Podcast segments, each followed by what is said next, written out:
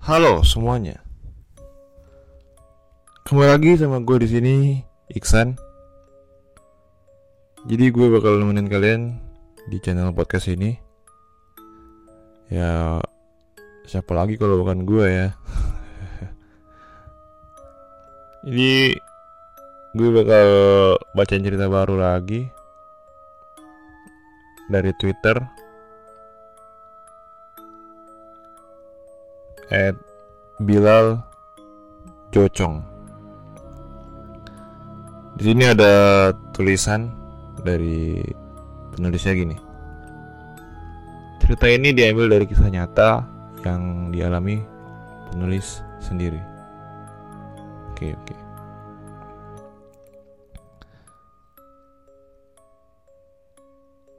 Sebentar, gue cari judulnya ya. Judulnya Rumah Aki. Oke, kita bacakan dulu prolog dari Twitternya ya. Ada sedikit prolog dari penulisnya. Selamat malam semuanya. Siapa saja yang ingin baca tweet ini, sebelumnya penulis ingin memberitahukan bahwa tweet ini tuh ditulis berdasarkan kisah nyata yang penulis alami sendiri. Cerita ini bermula beberapa tahun yang lalu. Nama dan lokasi akan penulis samarkan. Oke, baiklah. Masih intro pertama saya akan menjelaskan kenapa diberi judul Rumah Aki. Yang diambil dari bahasa Sunda yang artinya rumah kakek. Ya, thread ini akan menceritakan hal-hal yang akan membuat kalian para pembaca bergidik ngeri. Sebelum mulai membaca, sebaiknya tutup dulu jendela, pintu, dan lain-lain. Karena selain kita, mereka juga ada di sekitar kita. Oke, boleh lah intronya ya. Oke, kita mulai aja ya.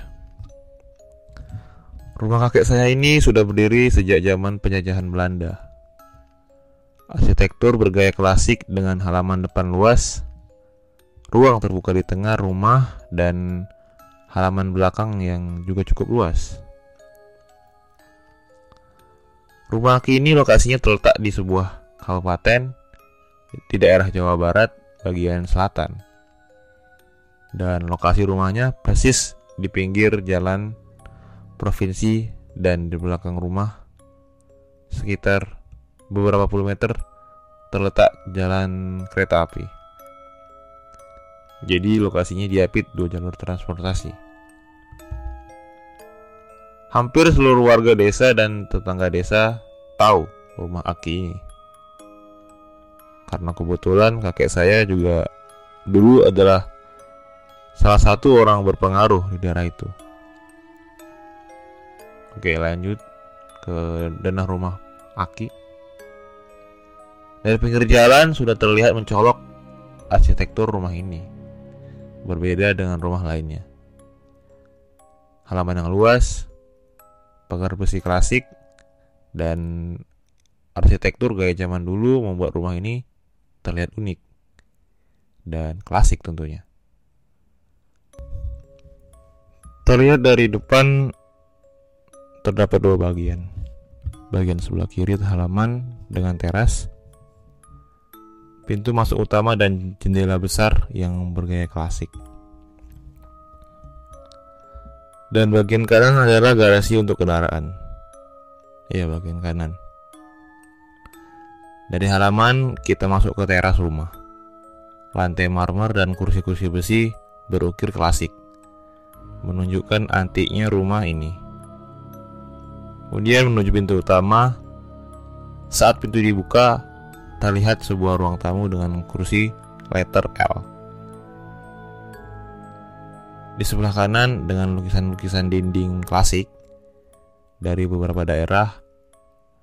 Ada lukisan dari Bali, Jogja, dan patung ukiran kayu lainnya. Ditambah lampu hias bergaya klasik. Di sebelah kiri terdapat kamar tamu, kamar yang, kamar yang dikhususkan untuk tamu yang ingin bermalam di rumah. Kenapa saya menggambarkan adalah rumah Aki? Karena saya ingin pembaca bisa terbayang bagaimana berada di rumah Aki ini. Oke, di ruangan tamu ini terdapat dua pintu lagi untuk masuk ke dalam. Jadi ruang tamu ini bisa untuk privasi jika yang mengobrol di sana ingin pembicaraannya tidak terdengar keluar ruangan. Masuk dalam di sini disebut ruang tengah. Jadi ruangan ini juga biasanya digunakan untuk tamu atau kumpul keluarga besar yang terdapat satu set sofa melingkar dan sofa berwarna merah yang dimiliki atau memiliki kisah tersendiri nantinya. Di ruang tengah ini terdapat dua kamar utama, yaitu kamar bekas almarhum kakek saya dan kamar orang tua saya. Di ruangan ini juga terdapat jam dinding klasik dengan suara khasnya yang akan berbunyi setiap 15 menit. Tahu kan jam dinding klasik yang sering ada di film-film horor? Hehe. Lanjut lagi. Jadi ruang tengah ini bersebelahan dengan ruang keluarga atau ruang TV. Ruangan yang sering aku dan keluarga tempati untuk menonton TV dan quality time. Ruang keluarga ini cukup luas dan ruangan ini juga terhubung dengan garasi tadi. Nah, di ruang keluarga ini terdapat satu kamar yang di yang cukup luas dengan dua ranjang kasur di dalamnya. Yang mana ini adalah kamar saya dan adik saya. Oke, kita lanjut membuka lagi pintu ke ruangan terbuka. Jadi ruangan terbuka ini cukup luas. Tepatnya berada di tengah-tengah rumah. Terdapat lapangan, kolam ikan, tanaman-tanaman hias dan pohon dan pohon cermai. Ruang terbuka ini biasa digunakan untuk jemur pakaian atau biasa saya gunakan untuk berolahraga. Ruang ini terbuka dan terdapat gudang penyimpanan barang-barang dan juga penyimpanan padi serta beras hasil panen. Nah, gudang ini sendiri mempunyai cerita tersendiri. Nanti. ruang terbuka ini juga langsung terhubung dengan ruang makan, dapur, dan juga kamar mandi. Nah, untuk kamar mandi ini, kamar mandinya masih bergaya klasik. Masih menggunakan sumur dan sumurnya juga masih biasa, masih bisa digunakan untuk mengambil air dengan ember katrol. Oke, masih berarti kamar mandi ini masih klasik ya. Soalnya masih pakai sumur dan masih bisa ngambil pakai ember katrol gitu loh. Lontrong. Itulah sebutan terbuka ini. Menuju ke belakang terdapat ruangan yang biasa digunakan untuk bersantai. Biasanya digunakan untuk merokok oleh bapak karena ruangannya yang terbuka dengan udara bebas. Ke belakang lagi ada pintu menuju dapur jadul. Dapur yang masih menggunakan kayu bakar untuk bahan bakarnya kami biasa disebut dapur hawu. Tapi sudah tidak digunakan lagi karena hanya dijadikan tempat penyimpanan barang-barang tidak terpakai. Di belakang terdapat halaman-halaman yang terdapat kandang ayam dan pohon mangga. Entah mangga apa itu, tapi buahnya sangat manis. Ke belakang lagi terdapat rumah-rumah tetangga dan kebun milik bapak. Mungkin cukup deskripsi tata letak rumah Aki yang tiap sudutnya memiliki misteri dan cerita tersendiri. Banyak cerita yang menarik dari beberapa orang yang mengalaminya termasuk saya sendiri. Dan saya bingung harus menceritakan yang mana terlebih dahulu. treat ini akan cukup panjang dan mungkin ada treat part 2 nya nanti. Oke, kita tunggu part 2 nya ya. Untuk malam ini mungkin deskripsi rumah Aki dulu ya. yang saya tulis. Besok akan saya lanjut dengan kisah pertama dari rumah Aki yang saya beri subjudul Usum Polling. Oke, sampai jumpa besok karena udah malam. Saya pamit dulu undur diri. Anjir, tinggal gua. Oke, di sini penulisnya kayak ngepost foto gitu di sini satu rumah si Aki ya. Oke, jadi rumah si Aki ini di tepi jalan ya. Sekarang lokasinya lumayan ramai karena dua tahun yang lalu dibangun beberapa pabrik industri di sekitar rumah Aki. Jadi tidak terlalu sepi seperti dahulu. Oke, ini kayaknya udah mulai deh. Dia udah nulis judul. Usum Polling. Cerita ini cukup populer di masyarakat dan menjadi urban legend hingga sekarang. Ini terjadi sekitar tahun 2009. Saat itu saya masih duduk di kelas 6 SD. Polling itu singkatan dari pocong keliling. Kenapa dinamakan begitu? Karena saat itu sedang terjadi teror di masyarakat di beberapa kabupaten kota di Jawa Barat. Khususnya di bagian selatan, yaitu teror pocong yang mengetuk rumah-rumah warga. Ini dimulai pagi 11 tahun yang lalu saat saya pulang dari sekolah. Eh, pada tahu nggak? Kemarin ada pocong di kampung aku.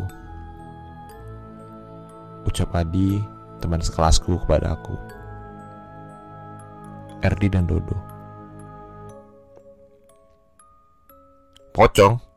Ah, bohong kamu. Emang kamu kata siapa ada pocong?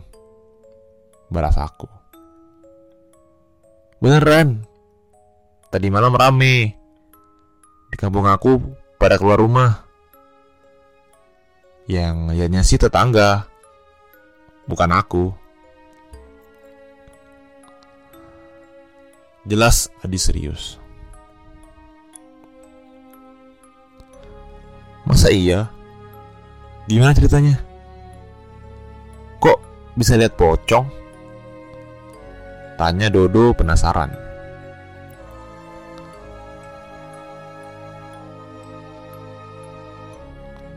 Jadi ke cenah.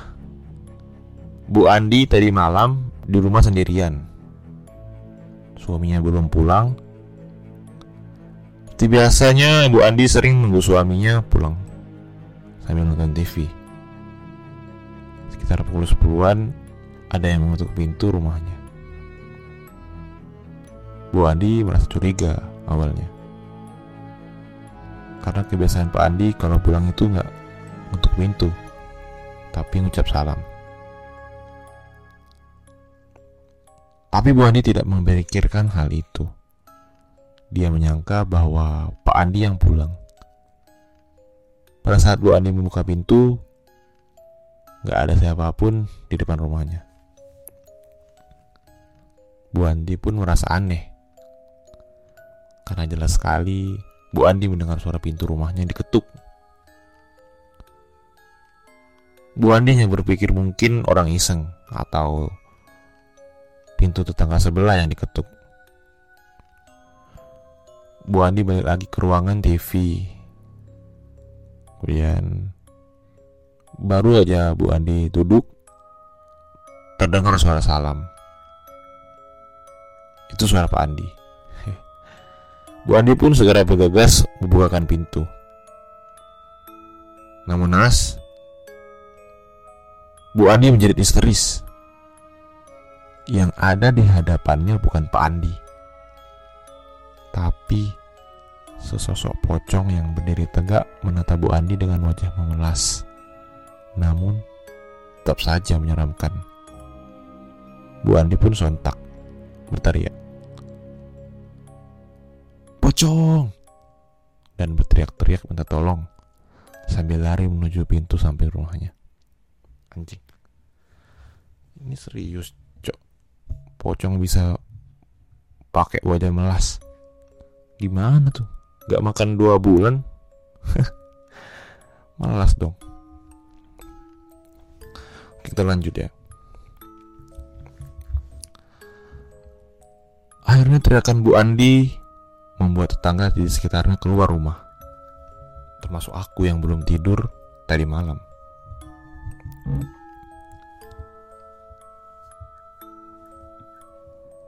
Bu Andi ketakutan dan menjelaskan apa yang baru saja terjadi. Saat menjelaskan hal itu, ada salah satu seorang warga yang men yang masih tetangga dia bilang ini ada teror polling yang sudah terjadi di kota sebelah. Dan ternyata terornya sampai ke sini. Yang bahkan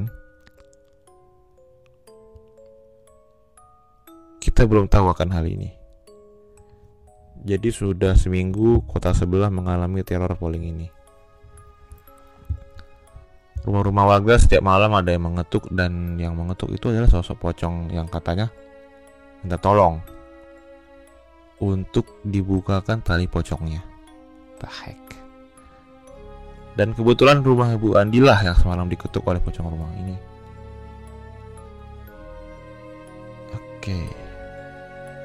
Adi menjelaskan dengan sangat serius dan membuat kami semua bergeding, ngeri. Rasa takut mulai muncul dalam diri kami masing-masing, termasuk saya yang waktu itu masih anak kelas 6 SD. Imajinasi anak kecil yang masih begitu kuat dan luas membuat cerita Adi ini sangat mengerikan dan terbayang jelas di pikiranku. Bagaimana saat Bu Ani buka pintu itu dan yang mengetuk adalah sosok pocong? Oh gitu anjir serem ih. Gimana kalau rumah aku ini ketok? Cakap aku. Iya anjir. Gimana kalau lagi sendirian di rumah gua mau kabur lari ke kamar?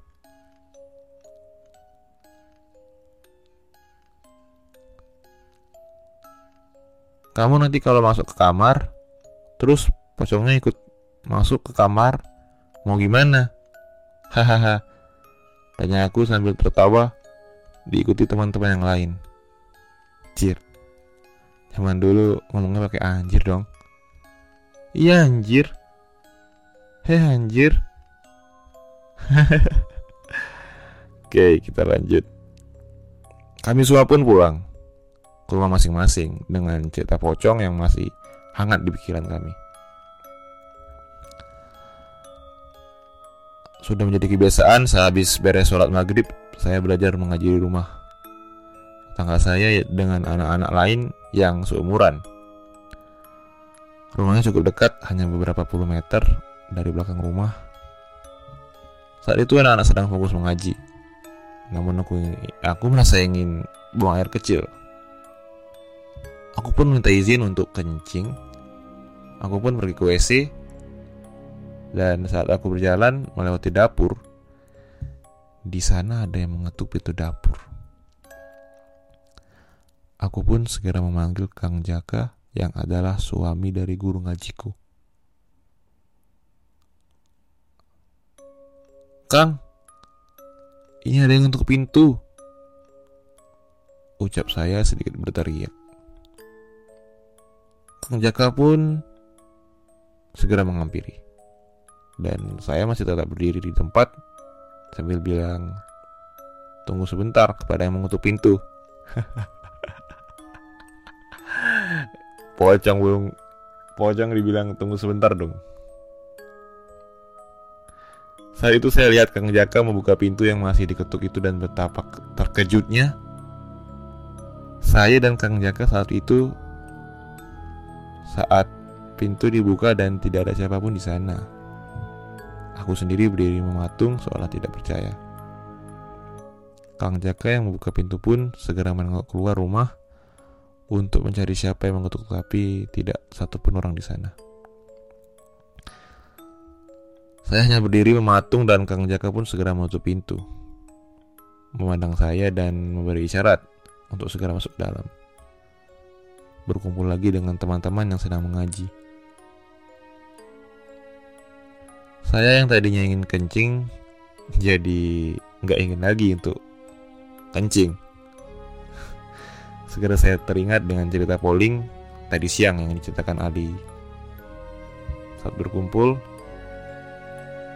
saya tidak bisa menyembunyikan raut wajah ketakutan saya. Sehingga Teh Rini, guru ngajiku, bertanya kepadaku. Kamu kenapa? Kayak ketakutan gitu. Tanya Teh Rini yang segera dijawab oleh Kang Jaka. Sini dek, Akang pengen bicara. Kata Kang Jaka kepada Teh Rini. Mereka berbincang di ruangan sebelah. Teman-teman saya yang saat itu langsung bertanya kepada saya. Kenalan aneh Bill? Saya pun menjelaskan apa yang baru saja terjadi Teman-teman saya langsung merasa ketakutan semuanya.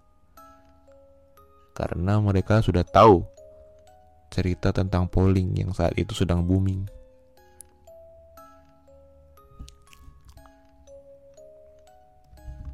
Kemudian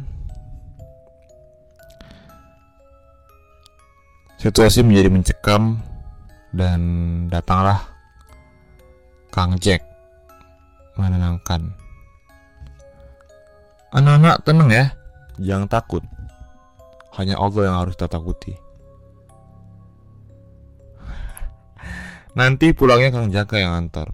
Kalian semua ke rumah masing-masing. Kang Jaka menenangkan kami. Kami pun merasa sedikit tenang. Malam itu kami pun yang terpulang bersama Kang Jaka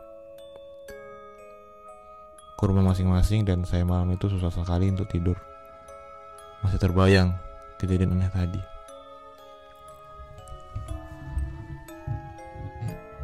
Pengalaman mistis yang baru pertama kali saya alami Saya gak cerita Suatu malam di rumah Hanya ada saya dan bapak Karena ibu dan adik sedang pergi ke rumah nenek Sekitar pukul 10 malam ada yang mengutuk pintu samping rumah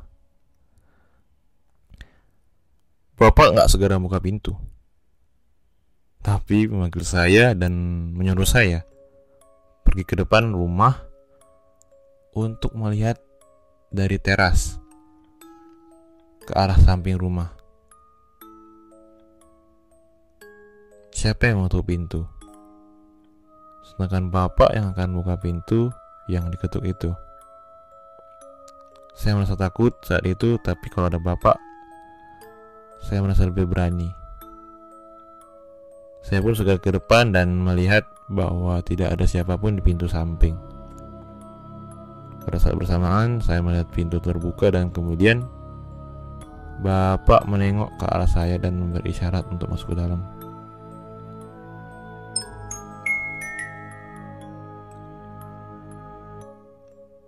Sorry, Cak. Tokopedia. Gak ada siapa-siapa, Pak ucapku kepada bapak. Padahal barusan bapak membuka pintu pas pintunya masih diketuk. Jelas bapak. Masa pak? Tapi saya nggak lihat siapa-siapa di sana tadi pak. Jawab aku. Iya, udah nggak apa-apa. Mungkin itu polling. Ucap bapak begitu santainya. Anjir. Jadi tadi kan si anak ini kan disuruh ke samping ya. Samping rumah buat lihat langsung terasnya. Dan si bapak ini udah siap-siap di depan pintu buat buka pintu kan. Jadi kata bapaknya ini pas ada yang ngetok ada yang ngetok pintu kayak tok tok tok. Nah langsung dibuka sama bapaknya tuh. Langsung dibuka lah rawan siapa siapa lah nggak ada siapa-siapa. Dan dia sesuai sesuai yang dibilang dan yang lebih creepy kata si Ana ini emang nggak ada siapa-siapa di samping rumah. Tapi ada sumber suara tok tok tok gitu. Dari mana dong? Ya mikir logis ya deh. Ya kan? Dan langsung dipikir sama mereka kalau itu polling. Atau yang bisa disebut pocong keliling.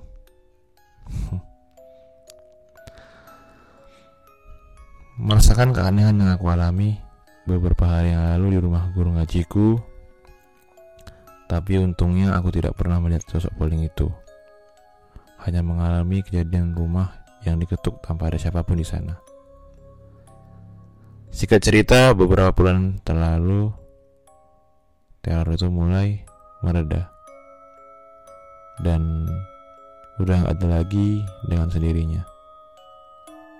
Tapi ada yang bilang bahwa polling itu adalah pocong jadi-jadian hasil dari jimat atau pesugihan. Mohon maaf, saya tidak bisa menyimpulkan atau Setahu saya ada yang ada yang menangkap dan buka tadi pocong itu dan pocong itu berubah menjadi manusia biasa dan dia sangat berterima kasih kepada orang yang membukanya. Lebih lanjutnya kalian bisa cari tahu sendiri di Google atau YouTube. Mungkin ada orang yang lebih tahu jelasnya tentang teror itu. Saya hanya menceritakan pengalaman. Oke, usum polling. Hanya sebagai ya hanya sebagai sejen pembuka dari rumah Aki ini sekarang kita mulai fokus ke para penghuni rumah Aki ini.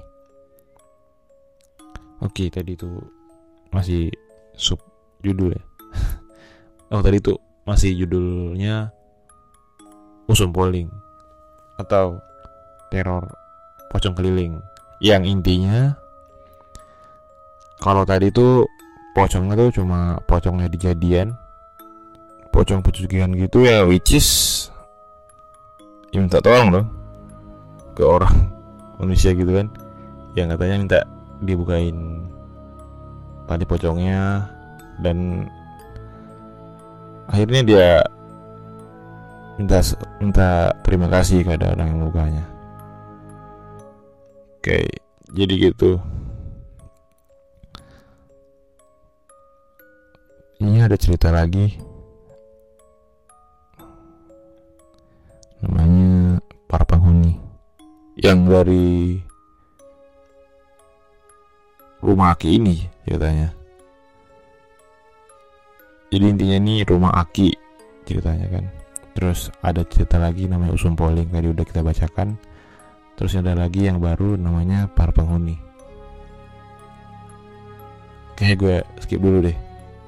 Next podcast bakal gue bacain. Oke.